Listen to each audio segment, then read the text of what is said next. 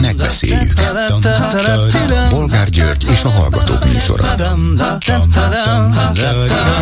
A műsor telefonszámai 061 387 84 52 és 061 387 84 53. Jó napot kívánok a Klubrádió mikrofonjánál, Bolgár György. Mai műsorunkban beszéljük meg, hogy magyar békefenntartókat támadtak meg Koszovóban. 19 katona megsérült. Remélem azért az Orbán kormány nem kezdi el rögtön, hogy nem hagyjuk magunkat háborúba, háborúba sodorni. Minden esetre nem elég, hogy szörnyű háború folyik Ukrajnában, sőt most már Moszkvát is drón támadás érte, de még a békét is nehéz fenntartani, méghozzá ugyancsak a szomszédságunkban. Lehet, hogy az oroszoknak kifejezetten jól jönne egy kirobbanó szerb-koszovói konfliktus? Netának kezük is benne van? Következő témánk, hogy az Európai Unió illetékes miniszterei már ma tárgyalnak arról, amíg el sem fogadott parlamenti állásfoglalásról, hogy a magyar kormány ne tölthesse be jövőre az unió soros elnöki tisztségét. Vagyis ez az ügy már sokkal nagyobb vihart kavart, mint ahogy ezt a legtöbben várták. Ha alaposan megsértik Orbán Viktor önérzetét, nem hogy az elnökség, de az uniós tagság sem fog kelleni neki? Mit szólnak ezen kívül ahhoz, hogy a Fidesz támogatásával megválasztott új Gödi polgármester, az olimpiai bajnok Kammerer Zoltán sértetten fölállt első interjújából, amelyet az ATV készített vele. A riporter többször is visszatért az ottani akkumulátorgyár ellenőrzésére és esetleges kibővítésére, amiről Kammerer csak általánosságokat ismételgetett, majd azt is megunta, és kisétált. Amatőr a politikában? Vagy a Fidesznek nincsenek valójában válaszai? Mi a véleményük továbbá arról, ami az elmúlt napokban a leginkább foglalkoztatta a magyar közvéleményt, a hegymászó Suhajda Szilárd haláláról. Balul sikerült cirkuszi mutatvány, ahogy egy politikus kommentálta. Magának kereste a bajt, ahogy jó néhányan gondolják. Vagy különleges ember különleges teljesítményekkel és az állandó életveszély tudatával. Ő vállalta, ő akarta, hajtsunk fejet előtte. És végül beszéljük meg, hogy magyar rövidfilm nyerte a Cannes Filmfesztivál aranypálmáját. A Nemzeti Filmintézet lelkesen gratulált is hozzá, miközben azonban pénzt nem adott az elkészítéséhez, és főleg külföldi finanszírozásból született ez a magyar film is. Úgyhogy magyar siker, vagy Budaflóra Anna sikere. Telefonszámaink még egyszer 387 84 52 és 387 84 53. Háló, jó napot kívánok! Tisztelten Győri Bátyám István vagyok, és a, e, sok minden eszembe jutott, de közben jött ez a mm, suhajda hegymászó, aztán két mondatot mondanék róla, hogy Igen. E, száz emberből ha megállít száz embert az utcán, száz emberből 98 egész életében nem azt csinálja, amit szeret. A, a, kettő, amit, azt szeret, amit szeret csinálni, és abban kudarcot val, a magyar ember olyan, hogy kárőrvendő. Kárőrvendő ki, kiröhögi, Szóval szörnyű, szörnyű, de erről már ezt, nem is Ezt érzékelte most is, ezt érzékelte most is, hogy sokan azt mondják, na hát így van, aki ez állandóan kísérti az Istent, az nem csoda, hogy végül belehal, és valamiféle, nehéz ezt kimondani, de én is láttam ehhez hasonló megnyilvánulásokat, Szóval azt gondolja, ez egy ilyen általános irítség, ha már neki, nekem nem sikerült, ha én nem tudom azt csinálni, amit akarok, akkor másnak se sikerüljön?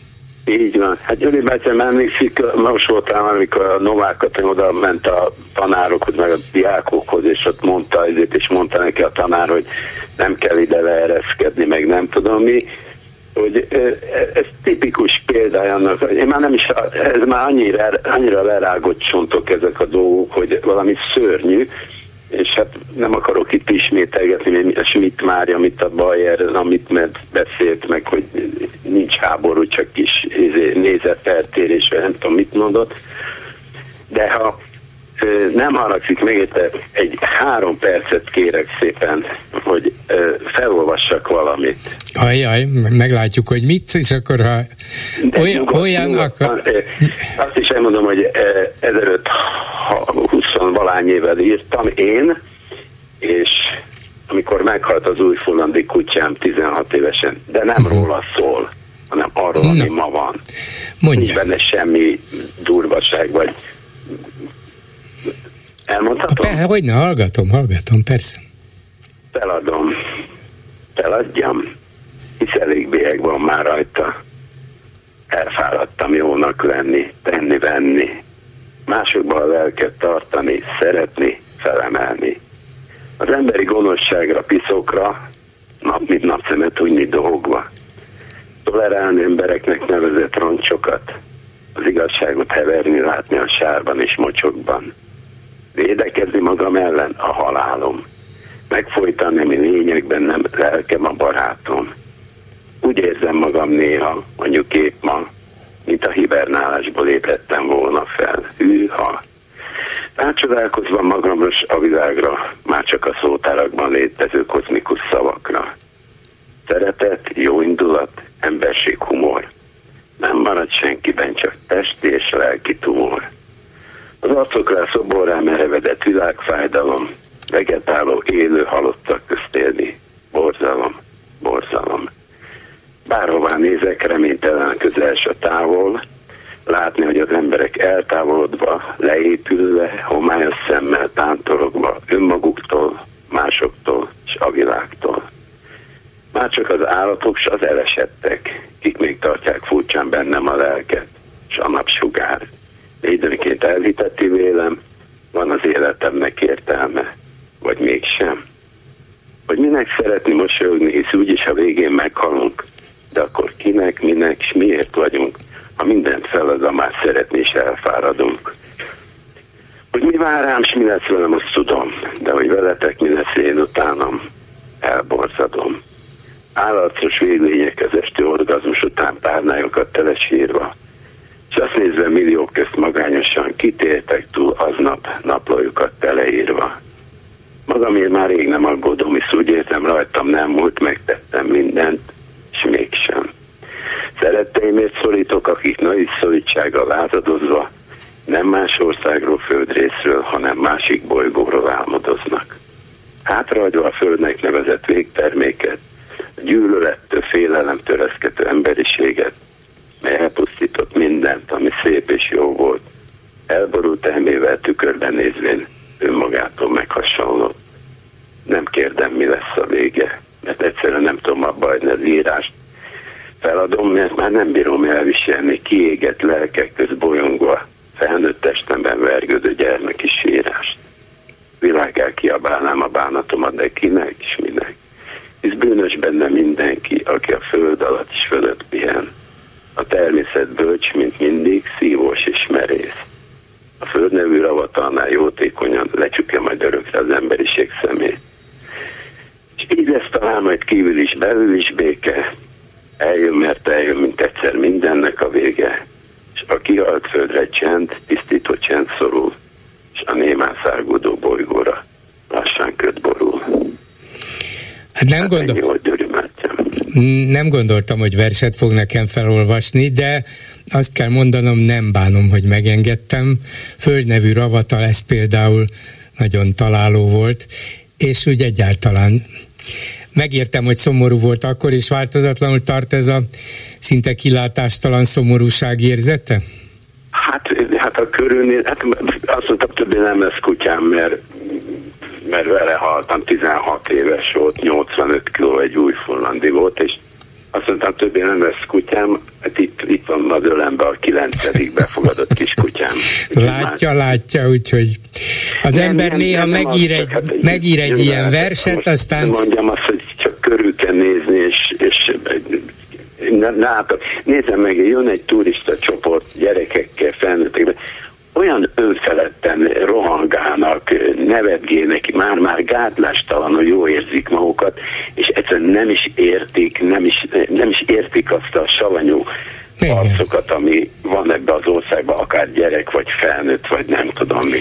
Hát igazuk van, legalább, legalább ők érezzék jól magukat, amíg lehet. Van, évtizedeken keresztül az emberekbe beleégették a félelmet, beleégették a, a, a, a, a birkanyáj szellemet, lenyomnak a torkukon mindent, és, és már nem tudják, mikor kell azt mondani, hogy elég.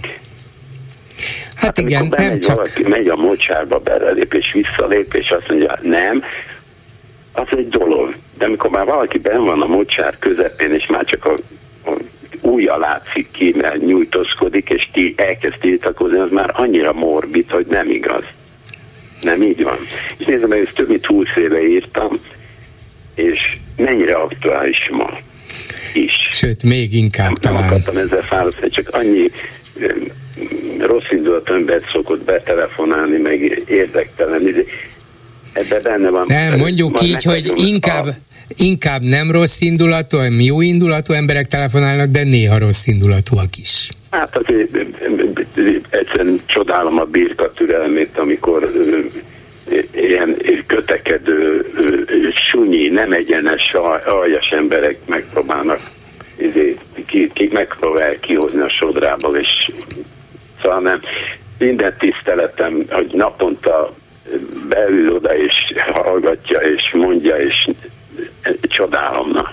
Én nem jöttem volna haza maga helyébe, akárhol volt. Én biztos, hogy kimaradtam volna, de Hát igen, az, Ameri- az Amerika volt, de hát nézze meg, Amerika is sajnos rácáfol saját magára. Én megmondtam valakinek, hogy az ezelőtti 50 évvel ezelőtti Amerikában, még Oroszországban éltem volna szívesen. Most már hát kész, hát már minden, mindent el, Rom, romlik a világ, Én igen. Hiszem, hogy hogy a netán nők lesznek, a, a nők lennének a világ élén, országok élén, akkor mennyire más lenne hát annak, az, annak a nőnek is a fia belegondol, hogy ott harcol a, a csatát, azt is lelőhetik, akkor nem akar háborút, akkor békét akar, meg nem tudom. És nézze meg, mi van. Hát igen. Hát előzönlötte a borzalom a világot. Sajnos, de azért a kiskutyájához mégiscsak kell egy kis vidámság, meg életkedv. Mikor látja, hogy zokni vagyok, akkor fölugrik itt az ölemben, lögdösi a mellemet, már melkasomat, és bíztat, hogy menjünk. Látja, sétálni, látja. Izé vagy. Ez így van. Köszönöm Jó, szépen. Nem akartam föltartani, nagyon köszönöm, köszönöm viszont hallásra. És nagyon jó egészséget. Viszont kívánom minden jót. magára. Igyekszem. A telefonnál pedig Dávid Ferenc, a Demokratikus Koalíció országgyűlési képviselője. Jó napot kívánok!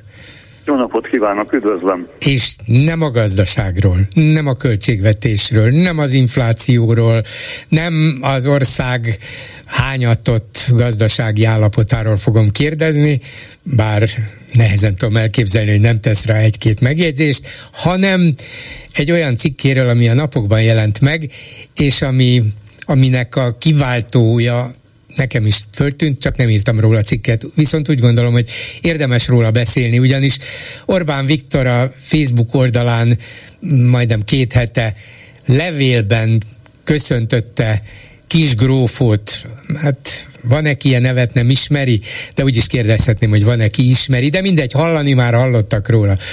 És azért, mert valahányadik, talán 30. születésnapja volt? Oké. Okay. Igen. Igen. És aztán most volt Presser Gábornak a 75 és ön megkereste, hogy na, a miniszterelnök mit ír vajon Presser Gábornak? Hát semmit. És gondolta, hogy önnek viszont erről írnia kell nem, nem volt ez előre várható, vagy meglepte önt, hogy még, még, még ennyit se tesz meg a miniszterelnök? Tulajdonképpen engem meglep, mert mindig azt akarom hinni, hogy nem lehet, nem lehet, nem lehet, hogy, hogy ez így van, és mégis lehet. Ugye az írásnak a címe az volt, hogy, és az is most is, hogy értékrend. Tehát önmagában, hogyha a miniszterelnök úgy érzi, hogy Magyarország összes hírességének levelet, vagy Facebook bejegyzést, vagy, vagy bármiféle üzenetet kell küldeni, hát én azt gondolom, ez a szíve joga. És hogy amikor én ezt elolvastam, ugye még azt hozzátesz, azt nem mondta ön el, hogy ez a fiatal ember, akinek a, hogy mondjam, a művész neve Kisbrofó, vagy felvett neve Kozák László, ugye ez egy mulatos Buli, bulibáró, ha, bulibáró.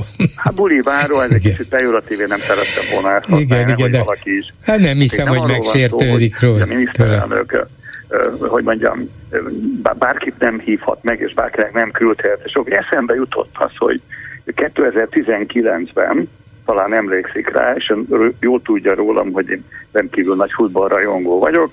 Ugye 2019-ben a már köztünk nem lévő Göröcs Jánost ugye a Karmelitában fogadta a, a, a miniszterelnök. Aztán megnéztem most, hogy Misző Kálmánt, aki sajnos szintén nincs közöttünk, külön köszöntötte el. Hát az nyilvánvaló, hogy a labdarúgók irányába nagyon érzékeny a miniszterelnök, és minden nagy és halhatatlan magyar labdarúgót, Mésző is és Göröcs is. Az ezt ön is tudja. Azt gondoltam, hogy ez még nálam úgy belefér. Akkor egy kicsit már meginoktam, amikor 2021. januárjában ugye a, a szintén közismert Nagy Feró 70, 75. születésnapjára is külön megemlékezett a miniszterelnök, azt hiszem egy üvegitalt is küldött neki, és akkor jutott eszembe, hogy, hogy most kettő dolog történt, azt még nem is írtam meg, hogy május 26-án 75 éves volt Gálvölgyi János, és ugye nagyon súlyos betegségben ből rábal ki, és másnap május 25-én szombaton én szerintem a, a kortárs zenénk egyik hatatlan zsenéje, Presser Gábor 75 éves. És ha ezt az egész ívet így nézi, akkor ez nagyon furcsa, nem tudom, azt még tudja, hogy, hogy ez a mulatos zenész, ez még állami kitüntetést is kapott most a a 30. születésnapjára, csak úgy éreztem... Tényleg? Hogy ez, ez, ez valahogy nekem kimaradt. Ez kimaradt. Komolyan kapott, állami kapott kitüntetést kapott? Igen, igen, igen, hmm. igen, igen, igen. Állami kitüntetést kapott, azt hiszem Soltész államtitkár úr adta át hmm. neki, és ezt követően ugye azt tapasztalom, hogy Presser Gábor nem ért meg egy Facebook sort se. És, és ezért adtam az írásomnak az Értékrend című ö, ö, címet, hogy, hogy hogy van ez tehát akkor ez, ez az ország, és most én fogom használni az ön kifejezését, ha megengedi. Ez a bulivárok országa? Ez nem az igazi nagy teljesítmények, a, a, akár zene, akár sport, akár bármiféle művészeti ág, vagy, vagy, vagy reál tudományok. Ez a felborult világ. Mert hogyha valaki úgy érzi, hogy az ilyen nagyságoknak, olimpiai bajnokoknak, vagy futbalistáknak, és ilyen hírességeknek Facebookot bejegyzést kell tenni, hát akkor Peszer Gábor nem maradhat ki. Így van. Nem az, a, nem az a kérdés, hogy a miniszterelnök mm, tegyen -e ki egy posztot valakinek a akármilyen jubileuma nem, vagy siker nem, esetében nem, nem kötelező, nem feltétlenül a miniszterelnök dolga. De ha bizonyos esetekben elhatározza, hogy igen, egy miniszterelnök dicsérete, vagy jó kívánsága, vagy egyebe, az, az fontos, és meg akarom ezzel erősíteni, hogy lám, figyeljetek ide, magyar honfitársaim, itt egy fontos ember komoly teljesítményére áldozok néhány mondatot, akkor akkor, akkor viszont komoly értékrendet kell vállalnia, és nem olyat, amilyet őt. Hát emlékszem azért az elmúlt évekből, amikor meghalt a, az akkor még tulajdonképpen az elmúlt évtizedek legismertebb, világszerte legismertebb magyar filozófusa, Heller Ágnes. Heller Ágnes. És 90 éves korában. És egy szóval nem emlékezett meg róla, vagy az elmúlt fél évszázad nem mondom azt, hogy legnagyobb, mert mérni nem lehet, de legkülönlegesebb magyar írója Eszterházi Péter. Egy fél szót nem ért meg neki. És, Ko- és Konrád György. És Konrád Szóval egyszerűen döbbenetes ez, és csak a, csak a lojálisok, csak a, az őt dicsérők, éltetők érdemelnek meg néhány jó szót tőle. És ugye úgy kezdte a felvezetést, hogy, hogy hogy ugye én velem hogy mindig áll, áll gazdasági kérdésekről szokott beszélni, és remélem, ahhoz érdemi módon tudok hozzászólni, amikor megkeres. Ebbe a kérdésbe igazából egy, ez egy érzelmi megközelítés hozni kezdtem, hogy végig gondoltam, és ezért ragadtam tollat vagy klaviatúrát, hogy ez így nagyon nem jó van. És pont ön, ön is összefoglalta a lényeget. Ha ő úgy érzi, hogy a társadalom minden szegmensében, mindenkinek, aki vagy ismert, vagy, vagy nagy teljesítményt rakott le az asztalra, írni kell, oké, hát ha erre van külön csapat, meg van energia, rendben van.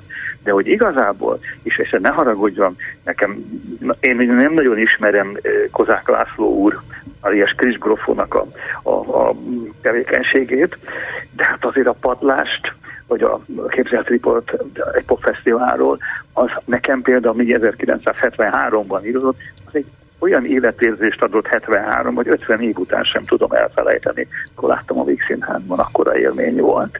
Tehát össze lehet vetni, és mondom, még egyszer mondom, természetesen nem ez a szakmám, természetesen tévedhetek, természetesen ízlések és pofonok, de itt most már csak pofonokról van szó.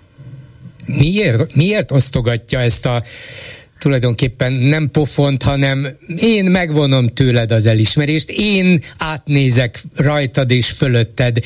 Nekem te nem számítasz, nekem meg a mieink, de hát ez még csak ez sem igaz, hát meg vagyok győződve, hogy a három millió fideszes szavazóból talán a többség is elismeri Presser Gábort, és nem érdekli, hogy, hogy Presser valószínűleg, még ez sem biztos, ráadásul ő nem is szokta kifejteni a politikai véleményét, Abszolút. ugye? Tehát ő, ő az a fajta zenész, aki nem lehet, hogy sejtjük, lehet, hogy tudjuk, meg a, a munkásságából többé-kevésbé kiderül, de ő aztán nem foglal állást nyilvánosan, hogy ez az Orbán rendszer tényleg minden, milyen utolsó dolog, de hát a Fidesz szavazók többségének is Presser Gábor jelent valamit, sokat jelent és jót jelent. Miért? Miért tagadja meg tőle vajon? Nagy valószínűséggel az a hibás, megközelítés van, akár a sport, akár a művészet esetünkben, a zene esetében, hogy azok, akik nyíltan azt kell mondanom, mellé állnak, mögé állnak a magyar miniszterelnöknek, azok részesülhetnek ebbe a kegybe. Akik nem, vagy nem állnak ki nyilvánosan, én is úgy gondolom, hogy körülbelül gondolhatjuk, hogy Presser Gábor itt gondol a világ dolgairól, ismerve az életművét, igazából tévedhetünk is, de én azt gondolom, hogy a miniszterelnök meg ott téved, hogy olyan nincs, hogy baloldali zene, jobboldali zene, liberális zene, festmény sincs ilyen, nincs ilyen. Van jó, van minőség, és van rossz, és van, amit nem lehet eladni. És azért eh, ezt a két, eh, hogy mondjam, teljesítményt, és az életkort még nem is mondom, egy 75 éves pálya, ugye, amiből 50 aktív zenei pálya, ennek a fiatal embernek az életkorából fakadóan ilyen hosszú se lehet. Ezt azért összevetni, és az egyiket, hogy mondjam, egy ilyen gesztussal jutalmazni, a másikat, hogy mondjam, elhallgatni, és mondom, hogy nem csak a presszerre, véletlen egy versés volt Gábor művész úr. Szeretnék hát ott meg aztán ez a szomorú aktualitás, hogy néhány napig életveszélyben volt. Hát a minimum ilyenkor, ráadásul ez tényleg egy egész ország izgult, hogy most mi történik és hogy történik. Hát az lett volna, még, még a az Fidesz-szel szemben ellenséges vagy vele nem szimpatizáló tömeg is azt mondta volna, na, hát legalább ennyit megtett az Orbán. És még ez se, még így se, és ennek ellenére sem. Miért? Nem, nem. Érthetetlen. Nem fontosak.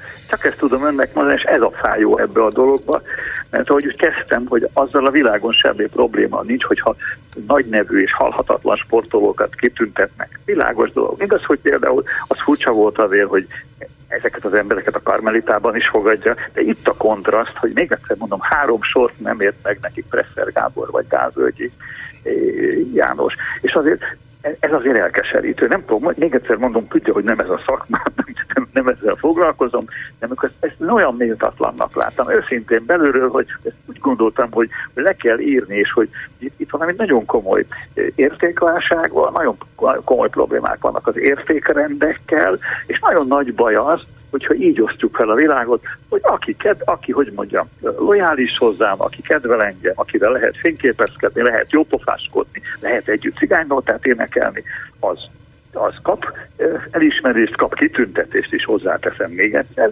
Akik meg nem, azok lehetnek akármilyen nagy művészek, lehetnek akármilyen jó zenészek, azok bizony nem kapnak és még ők hadoválnak a nemzeti együttműködés rendszeréről. Igen. Szóval, Igen, külön hava, havatoltán. Igazából csak, most csak ott idézőjelben mondtam, igazából csak ez a problémám, semmi több. Treffer Gábor zenéjét ugyan, ugyanúgy fogják hallgatni az utódaink is, az unokáink is. Nem biztos, hogy azt a zenét, amit most ez a fiatal ember művel, ezt mondjuk 20 év múlva valaki is tudni fogja, hogy miről szólt ez a történet. Persze beírta magát a magyar zenetörténetben. Kisgrofó nem hiszem, hogy ez sikerülhet neki. Kívánom, nem, nem gond, igen, igen, igen. ahhoz olyan teljesítményt kell letenni. De, de majd akkor, akkor tessék megdicsérni.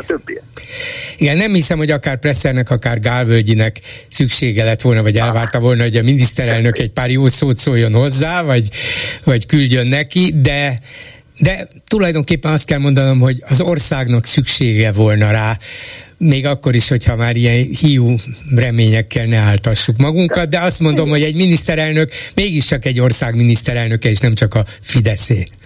Így van, és tehát talán amit most, hogy mondjam, én tényleg nem tudok, mit, ugye nem konkrét kérdésekre kell válaszolni, és én akkor mindig a harba vagyok, de talán akkor megérti, hogy miért írtam ezt. Hogyne, hogy, hogyne. Hogy, a szívemből, szívemből beszélt vagy írt.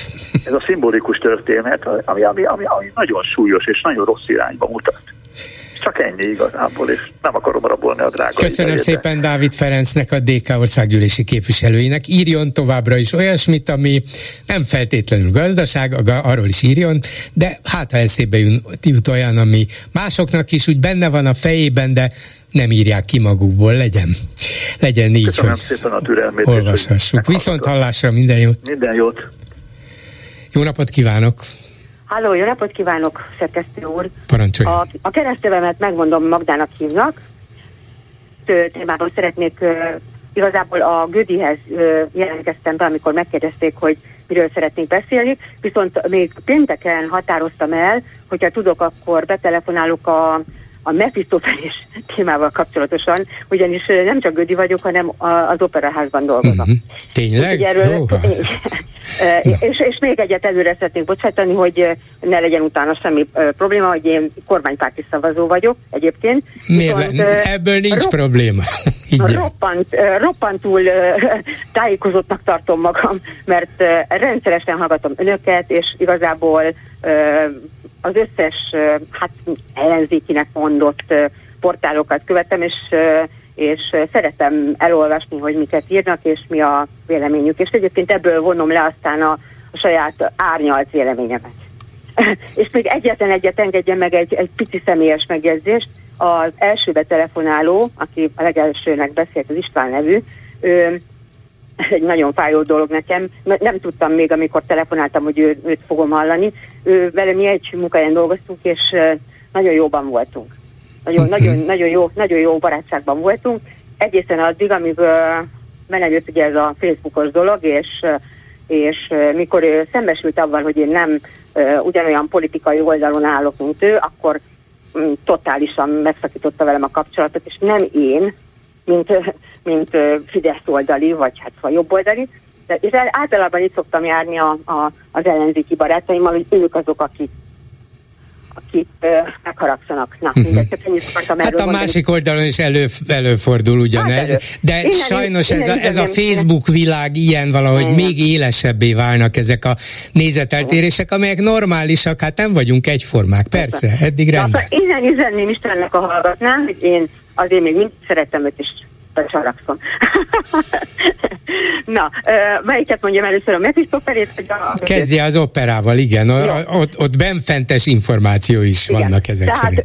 Ö, ö, jól mondta az úr, mert valóban így volt rendezve ez, hogy a Mephistophelére egy nagy EU zászlót terítenek rá, tehát amikor mondja, hogy palástot, hát ez egy elvonás, tehát ki van emelve a korból, ki van emelve a, a, az eredeti ö, szituációból, és hát ilyen valóban a, a, a Valpurgi szét, tehát ami a, a, az alvilág, boszorkányszom, az egy, egy kaszinóban játszik, ez így van, valóban.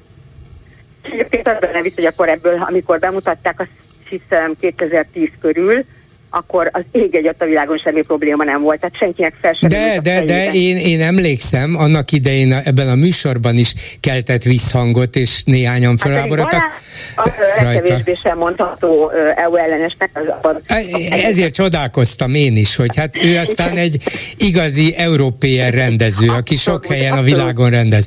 Meg is voltam lepve, de nem láttam, a, nem láttam az operát, úgyhogy közelebb itt nem tudok. Tehát ez tény, tény és való, hogy ez így van, én ezen nem akarnék ennyire föl, mert hát azért elég sok ilyen furcsa megoldás van. Most ez, ez, az, az, hogy ez valóban, valóban. És a mai napig is így van, tehát a, a, valaki azt mondta, hogy lehet, hogy ki, nem, nem vették ki, ez, ez tavaly, tavaly lementek uh-huh. előadás belőle egy nagyon híres nemzetközi szárral, és talán őre nem terítették nem erőnek, és teljesen külön életet élt a színpadon, és ö, ö, mondták is, hogy Balázs eljött a, azt a főpróbát talán, teljesen titokban és inkognitóban, és ott ült a nézőtéren egy darab, aztán annyira kiakadt, Haló, most el, elment a hangja, ott ült a nézőtéren egy darabig, és aztán... Aztán elment, mert ez a, ez a szereplő, ez nem, hát nem a rendezést játszottanak. Ja, értem, szóval, értem. A, a, saját, a saját előadás, előadását na, adta hát, elő. Szóval ennyit a feléről, ennyit az egy remek uh-huh. előadás, rendkívül nagy sikere szokott lenni, és, és van benne, ez, egy, ez benne van ez a dolog, ez nem, nem hiszem, hogy bántásnak volt számva, már csak a rendező személyből kiindulva sem. Igen, mondom, én is csodálkoztam rajta, de ezek szerint lehet, hogy azt a bizonyos előadást vették föl a televíziónak, és Igen. játszották le. Így van. Azzal a híres énekessel, nem tudom ki volt igen. az, de az Ervin lehet, hogy... Schrottnak hívják, Ervin Schrott. Aha, igen, igen, jó. Akkor, Na, akkor ennyit akkor, erre. akkor ugrok a gödre. Igen. Tehát itt, uh, itt ugye ez, ez, ez az egész probléma, ez oda vezethető vissza, amikor 2019-ben megválasztották ugye az ellenzéki hát ilyen összefogást, a, akiknek ugye többségük volt a városban, mint tudjuk, és iszonyatosan rövid idő alatt összevesztek. Egyszer erről én már beszéltem, hogy én nekem meggyőződésem, hogy itt a polgármester személyével volt a probléma. Én a magam részéről úgy vagyok vele, hogyha valaki jól ö, vezeti a város ügyeit, akkor én nekem az tök mindegy, hogy milyen párti. Ez egy önkormányzati kérdés, nem, nem, nagy, nem nagy politika, és hogyha jól mentek volna a dolgok, én, én boldog lettem volna Balog Csabával, aki ugye momentumos politikus volt akkor, de sajnos az az igazság, hogy ő egy rendkívül uh, konfrontatív személyiség volt. Uh-huh. Tehát uh, a saját... A saj, hát, és még én, ráadásul én, tapasztalatlan is. Hát igen, fiatal uh-huh. volt, az nem baj önmagában, hogy valaki fiatal és tapasztalatlan, de én rögzítettem olyan felvételt a, a, a ilyen testülésről, ahol egy nála 20 évvel idősebb, vagy 15 évvel idősebb alpolgármesternek olyat mondott, hogy én nem hittem el, hogy, hogy, hogy, hogy, hogy ilyet uh-huh. merészel.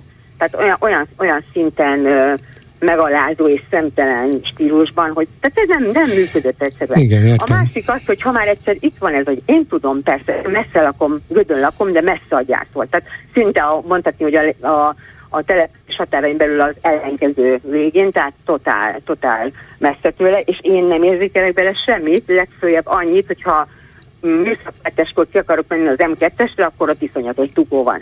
Az tény. Igen. Akik közel laknak, azoknak valóban hangos. Én ezt abszolút elismerem.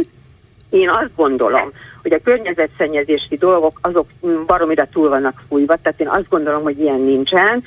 Valóban nagyon a környükre kell nézni tehát hát ez, a, ez a lényeg, ez volna a lényeg, hogyha Persze. mindenki biztos lehetne abban, hogy figyelik állandóan, és hogyha valami hiba történik, akkor komolyan büntetést kapnak érte, akkor, akkor valószínűleg megnyugodnának az emberek, az ajon nem tudnak segíteni, de hát vagy megszokik, vagy megszökik, ez, ez egy másik kérdés, de, de a környezeti ártalmak azok nyilván olyan nem közvetlenül láthatók, érzékelhetők, viszont az ember egyre jobban elkezd félni tőlük, hogyha azt azt feltételezi, hogy ezekre nem is figyelnek, ezeket inkább eltussolják. Amikor a polgármester a, ilyen civil támogatással és civilek pénzéből teljesen szabadon kiválasztott kutakból, tehát a lakossági kutakból, most hall?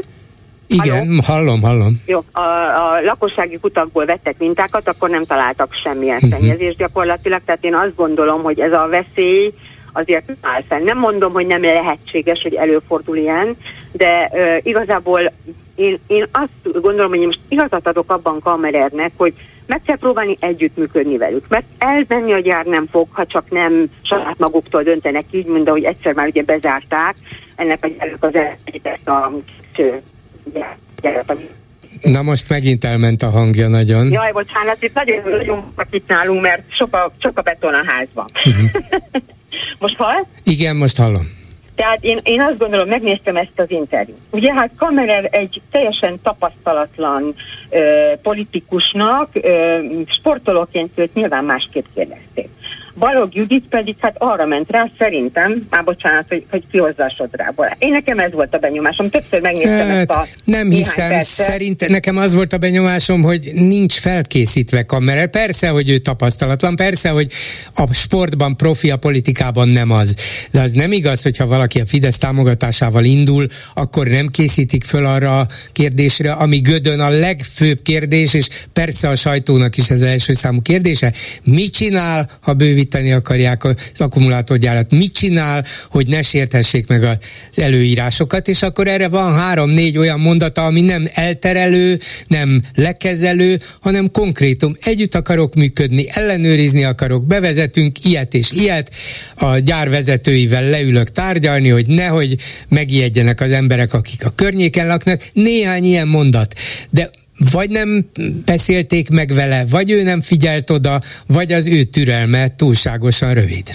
Tehát akkor most hadd fogja meg ott a kérdést, amit ön, mint tényt mond, hogy miért nem, hogy miért nem készítette fel a Fidesz, de hát ő nem a Fidesznek a színeiben. Hát a Fidesz támogatásával. Támogatásával a Fidesz mögé állt, mert az előző uh, Fideszes polgármester az olyan szinten uh, uh, hogy mondjam, leamortizálta ez a kérdés, tehát hogy őt nem volt értelme. Volt egy másik olyan Fideszes polgármester, aki szerintem jó polgármester lehetett volna, de lehet, hogy ő nem vállalta. Nem uh-huh. tudom, azt nem tudom őszintén, hogy ő miért nem indult el, de Nézze, Én aki mellé gondolom... odaállt Tuzson Bence képviselő államtitkár, hogy ő a mi támogatásunkkal induló jelölt, azt szerintem a Fidesz fel tudja és fel akarja készíteni, nem engedi el csak úgy a kezét. Ezt hát feltételezem hát róluk. Van. De úgy látszik, hogy mégse így van, mert én nem látom, hogy, hát hogy, hogy ő lett volna ilyesmi. Tehát én, én, én azt gondolom, hogy a, a kamera elmondta azt, amit, amit én is mondtam volna, hogy itt van a gyár, igazából nem tudunk mit csinálni, mert elmenni nem fog, megpróbálunk velük együttműködni, tárgyalunk velük, megpróbáljuk azt elérni, hogy törvényesen működjenek, és betartsák a, az előírásokat, és amikor már negyedszer teszik fel ezt a kérdést, akkor lehet, hogy egy nyugodt ember elmondja negyedszer is ugyanazt, de a kamera meg azt mondta, hogy akkor ebben elég, mert látom, hogy mire megy ki a dolog, ezt is mondta különben, nem, nem csinálta ezt, ezt ügyesen, ezt nem kellett volna, de az az igazság, hogy valamilyen szinten én szerintem értem. Tehát nem tud mit csinálni. Értem, értem. Köszönöm szépen, azt mondjam, hogy elmondta viszont hallásra. A vonalban pedig... Ru- igen, Rudas János pszichológus, jó napot kívánok! Csak nem telefonon hallgat minket, ezek szerint. Rudas úr, hall minket? Szólok a kollégáimnak, hogy talán hívják föl újból, mert és akkor csak a telefonját használja, ne a komputert. Jó, akkor egy kis türelmet kérek a hallgatóktól, mert ezek szerint itt legalább 10-20 másodperces csúszásban vagyunk, és úgy biztos nem lehet beszélni. Rudas János pszichológus írt egy nagyon érdekes hosszabb cikket a népszavába, arról, hogy milyen hatása van az Orbán rendszernek a magyar társadalomra, és milyen módon változtat bennünket meg, hogyan szokunk bele ebbe a rezsimbe, ennek a rezsimnek a mindennapos gyakorlatába, és egyszer csak észre se vesszük, és engedelmes kiszolgálói leszünk, kérdem én, de úgy látszik a társadalom többsége számára ez elfogadható. Nem tudom, hogy itt van-e már Rudas János, még nincsen, mindjárt akkor talán sikerülni fog. Szóval a lényeg az, hogy, hogy nagyon érdekes megfigyelései vannak, ugye ennek a rendszernek és vezetőjének a, a működése az nagyon sok szempontból közelíthető meg. Az egyik ilyen, hogy hogy vajon milyen a lélektani hatása annak, hogy, hogy működik. Jó napot kívánok, Rudas úr! Jó napot kívánok, sajnos az elejét nem hallottam a felvezetésnek. Hát lényege, lényegében azt mondtam el röviden, hogy a Népszavában írt egy nagyon érdekes cikket, hogy milyen hatása van az Orbán rendszernek a magyar társadalomra. És hát mondjuk így, hogy lélekromboló, de nem csak a lelket rombolja, hanem sok egyéb dolgot is a társadalom szövetében de természetesen ön mégiscsak a lélek tudora és pszichológus, úgyhogy mi, indította önt arra, hogy nem most először, most már többetszer az Orbán rendszerrel foglalkozzon, és arról, hogy mik ennek a rendszernek a, a hát sokat sokakat megváltoztató, sokakat nyomasztó és az egész társadalomra komoly hatással lévő mm, nyomat, lenyomatai. Miért, miért kezdett vele foglalkozni? Én is úgy gondolom, hogy nem lehet vele nem foglalkozni, de mégis egy pszichológus mással szokott, nem pedig a társadalommal, amelyre egy rendszer ilyen nagy mértékben nehezedik rá. Igen, hát én sok mindenre foglalkoztam életemben, de 2010-ben, amikor hatalomra jutott a, akkor a második Orbán kormány, ami utána ugye van harmadik, negyedik, ötödik, akkor kezdtem el azzal foglalkozni, és 2010 karácsonyán jelent meg az első jelentő, mondjuk úgy jelentősebb publicisztikám, amely utána aztán, hát összesen azt hiszem 13 vagy 14 hasonló jelent meg egészen mostanáig. Ez volt eddig az utolsó, ami a népszavában megjelent. Egyszerűen mert azt láttam, hogy hát hogy olyan károkat okoz a, az emberek között, nem egyszerűen, hogy, hogy fontos, meg jelentős, meg nagy szerepe van, hanem nagyon káros szerepe van a rendszernek, és egyre károsabb, hogy kiépült ez a én önkény uralomnak nevezem, de nem szeretik vitatkozni arra, hogy milyen címkét használjunk rá. Úgyhogy az eddigi cikkeimben tulajdonképpen, és ennyiből ez a mostani kakuktojás, eddig mindig arról írtam, hogy mi, mi mozgatja az Orbán Viktort, a Strómanja tagjait, a hívőit, a szavazókat, stb. stb. Most viszont megpróbáltam a fonákjáról nézni, hogy milyen hatása van azokra az emberekre, akik hát akikről ő tulajdonképpen hatalmánál fogva rendelkezik. Úgyhogy ez a lényege az egésznek. Ennek a mostani cikkének az a következtetése, hogy az Orbán rezsim 2010 óta tudatosan próbálja megfélemlíteni az embereket, a társadalmat. Azt nem tudom, hogy a sajátjait is meg akarja félemlíteni, bizonyos értelemben igen, hogy kordában tartsa őket, de hogy a társadalom jelentős részét valamilyen módon ellenőrizni akarja, és ebből a szempontból a megfélemlítés is stimmel, az biztos, tehát különféle nyomások nehezednek ránk, különböző büntetéseket kapnak, vagy ezek, vagy azok, akik számítanak, vagy nekik számítanak, és hát itt persze kérdés az, hogy ez most diktatúra vagy önkényuralom, és ez sokszor felvetődik ebben a műsorban is, de a megfélemlítés az, az általános, emberek folyamatosan mondják, én nem akarom a nevemet mondani, mert én itt vagy ott dolgozom, vagy a gyerekem ott meg amott dolgozik, és hát ha valami következménye lesz ennek, még ha nem így történne is, az emberek meg vannak félemlítve. Ezt a diktatúráktól tanulták, vagy milyen, milyen módszer ez? Mármint a, a, Orbán és társasága? Orbán és igen, társasága, hát, igen. Nem tudom, hogy hol tanulták és hogyan. Abban nagyon jó, hogy végig gondolja azt, hogy mivel tudja a saját hatalmát meghosszabbítani, vagy még erősebbé teszi, és ez valóban azzal, hogy megfélemlít embereket. Hát tudunk, ismerünk olyan történeteket, hogy azok a cégek, amelyek nem eléggé paríroznak nekik, hogy úgy mondjam, nem vesznek részt a hát ezt úgy mondják, hogy hogy alkotmányos költségekben, tehát amit visszafizetnének a kapott pénzből, ott megjelennek mondjuk a napemberei, vagy, és hol nem találnának hibákat, vagy megjelennek a különböző rendőri szerveknek az emberei, és hát akkor persze, hogy meg vannak félemlítve. Most az a baj, hogy ez tovább terjed, tehát ez olyan, mint egy lavina.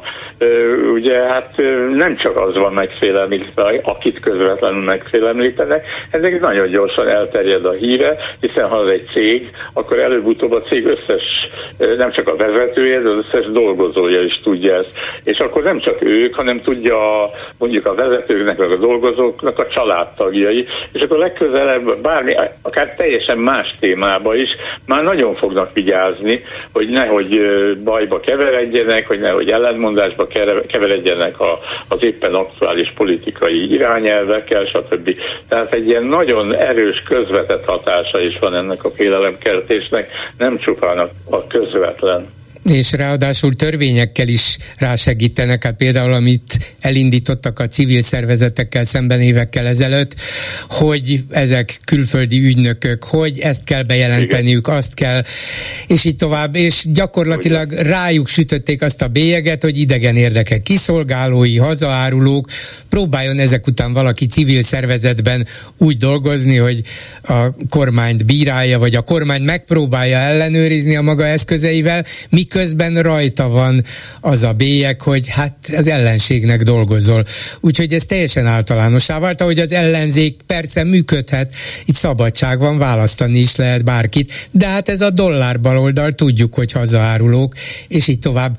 Ez a megfélemlítés tehát az egyik tudatosan használt eszközévé vált ennek a rendszernek? Ezt lehet mondani? Igen, igen, szerintem teljesen tudatos az első perctől kezdve, csak a különbség az a mondjuk a második, harmadik, negyedik, ötödik Orbán kormány között, hogy ez fokozatosan épült ki. Tehát az elején is már tudatosan kezdték, de hát aztán egyre jobban. Biztos ismeri ön is azt a hasonlatot, hogy ugye egy békát beraknak egy forró vízbe, akkor kiugrik onnan. De a hideg vízbe rakják, és fokozatosan kezdik meleget, melegíteni a vizet, akkor előbb-utóbb megfő a béka. Most körülbelül így van ebben a mi társadalmunkban is, hogy az elején nem lehetett látni, meg nem volt még teljesen kiépítve ez az egész megféli, fel, megféli, megfélemlítő rendszer, amiről ön beszél, de hát beszélhetnénk egyéb tényezőkről is, de, de aztán fokozatosan kiépült, és egyre jobban, és ma már tényleg alig van az olyan ember, aki hajlandó arra, hajlandó kockáztatni az egzisztenciáját, a, a hajlandó ráadásul még a családját is esetleg megfenyegetik. Nagyon kevesen bőven vannak ilyenek. Arról, hogy a Fidesz milyen tudatosan használ egyfajta új nyelvet, azért, hogy saját magát ugye propagálja és másokat megbélyegezzen, és különböző propaganda módszerekkel ezt a nyelvet elterjessze, az, az már közismert volt, vagy ön is írt róla, mások is. De az, hogy most például ebben a cikkben kiemelte a talán egyik leglényegesebbet, amit viszont mintha olyan furcsa módon nem vennének figyelembe ellenzéki oldalon, hogy ez a nemzeti együttműködés rendszere micsoda ocsmány hazugság, hiszen pont az ellenkezője érvényesül, és mégis még a függetlenek is, az ellenzékiek is, a másként gondolkodók is nyugodtan használják azt, hogy ner, ner lovagok, ner így, ner úgy, elfogadva ezt a nemzeti együttműködés rendszere hazugságot, ami a kezdettől fogva nyilvánvaló gyalázat volt. Hogy lehet ez ellen harcolni? Hogy lehet ez ellen fölven, föllépni? Hogy lehet ezt megváltoztatni, ebből kilépni? Igen, nagyon jó, hogy ezt fölvetette, mert mert egy, egy alapkérdés, és ugye szociolingvisztikához értő emberek ezt jobban el tudnák magyarázni. Tehát tulajdonképpen arról van szó, hogy átvesszük azt az egész szóhasználatot, mert úgy értem, hogy, hogy mi, akik nem a kormányhoz tartozunk, vagy nem az ő pártján vagyunk, átvesszük, és ezzel tulajdonképpen legitimizáljuk az ő egész, hát a szóhasználatokat, de azon keresztül a rendszerünket. De most az, hogy, hogy folyton nerezünk, vagy nerezünk, eznek egyesek, mert nekem föláll a szőr a hátam van az egésztől, és nem is vagyok hajlandó kiejteni ezt a szót, de az, hogy sokan nerelnek, nem csak az a baj vele, hogy hazugság, mert tényleg hazugság, hanem az is baj, hogy ezt a, a Fidesz agyalta ki ezt a kifejezést, és senki nem tudja egyébként, hát persze bizonyos, hogy úgy mondom, vágyfülűeken kívül, hogy, hogy egyáltalán mi az, hogy ner, és külföldön meg honnan tudnák, hogy mi az, hogy ner. Na de ennél vannak még hasonló rosszak, itt van például az a karmelitázás. Jaj, de jó, hogy szóba hozza, én is. A karmelita rendet, igen, még második József kalapos királyunk oszlatta föl, több más szerzeteseddel együtt. Tehát azóta karmelita rend és karmelita kolostor nem létezik. Azóta a várban színház van. Tehát különböző színház volt ott, igen, amikor igen. a Nemzeti Színházat építették, akkor ott volt a Nemzeti Színház, aztán volt Town Színház, egyesek szerint most is színház van ott, de az a miniszterelnöknek a rezidenciája. A, a miniszterelnök nem, nem Várszínházi irodájáról van szó, nem a Karmelitáról, mintha egy szent emberről lenne szó.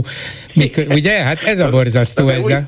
Ugyanez, a, ugyanez van a, a köztársasági elnök irodájával is, amit most uh, hivatalosan is átneveztek uh, Sándor, Sándor palotává. Hát hol van már Sándor uh, Móricz gróf, akinek eredetileg az volt a palotája, hát hányszor elporlott már azóta, ez nem Sándor palota, az a magyar köztársasági elnöknek a, hát megint csak mondom, rezidenciája, vagy irodája, vagy bármilyen. Igen, szóval mit, mit javasol például, hogy ezekkel a nyelvi hamisításokkal és álhagyományokkal szemben mit lehetne csinálni? Mert el kellene kezdeni tudatosan használni és megpróbálni terjeszteni, hogy a miniszterelnök várszínházi irodája, vagy, vagy egyszerűen csak a miniszterelnök hivatala Igen, pont. Az utóbb. Uh-huh. Hát most ha, ha nekem mondja, vagy, vagy olyanoknak, mint akik így gondolkodunk, akkor persze minél hamarabb elkezdeni de nevén nevezni azt, ami, és nem pedig eh, beugrani egy ilyen csapdába, hogy, eh, hogy Karmelita, meg hogy Sándor Palota, meg hogy NER, és folytathatnánk akár most a legfrissebb Vármegye című üzével. Én, ne, nekem az nem Vármegye, az megye. Ugye meg nem főispán, hanem az a kormányhivatalnak a vezetője.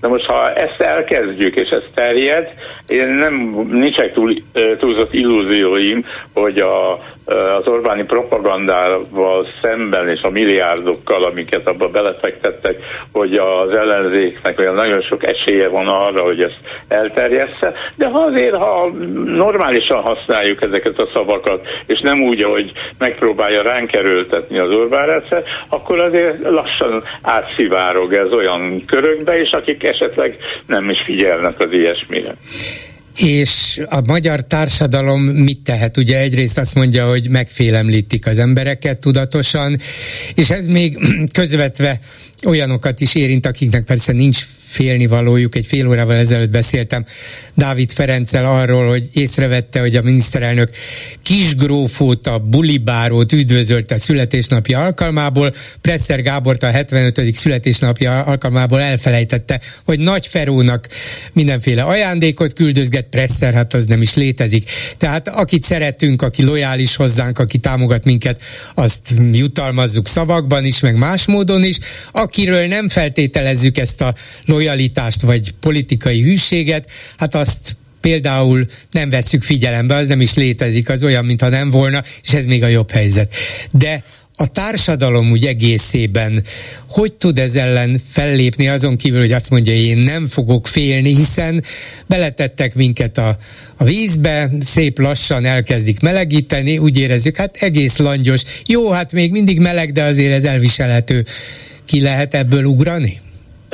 Hát sajnos nekem van egy rossz hírem, egyáltalán az, hogy a társadalom az ilyen nem létezik. Szóval például van ugye három millió körül van azoknak a száma, akik tűzön vizen keresztül a Fideszre szavaznak. Akár azért, mert nagyon egyetértenek vele, akár butaságból, akár azért, mert nem érdekli őket, vagy azt mondják, hogy, hogy hát ez úgy van, meg ez biztonságos, hát én most minek választok más, stb. stb. Úgyhogy én azt gondolom, hogy nekik elég nehéz nehéz ezt elmagyarázni. A többieknek sem biztos, hogy mindenkinek el lehet. Tehát én, ráadásul ugye más a helyzet, most amit ön említett, vagy akiket ön említett, hát mondjuk egy Presser Gábor, vagy akit nem említett, mondjuk egy Dés László, ezek megtehetik, hogy, hogy autonóm egyéniségek maradnak, mert nem függenek, nincsenek alárendelve a rendszernek és a, a rendszer hát ilyen borzalmas figuráinak, de hát ezt nem mindenki teheti meg, és azt nem is kárhoztatjuk.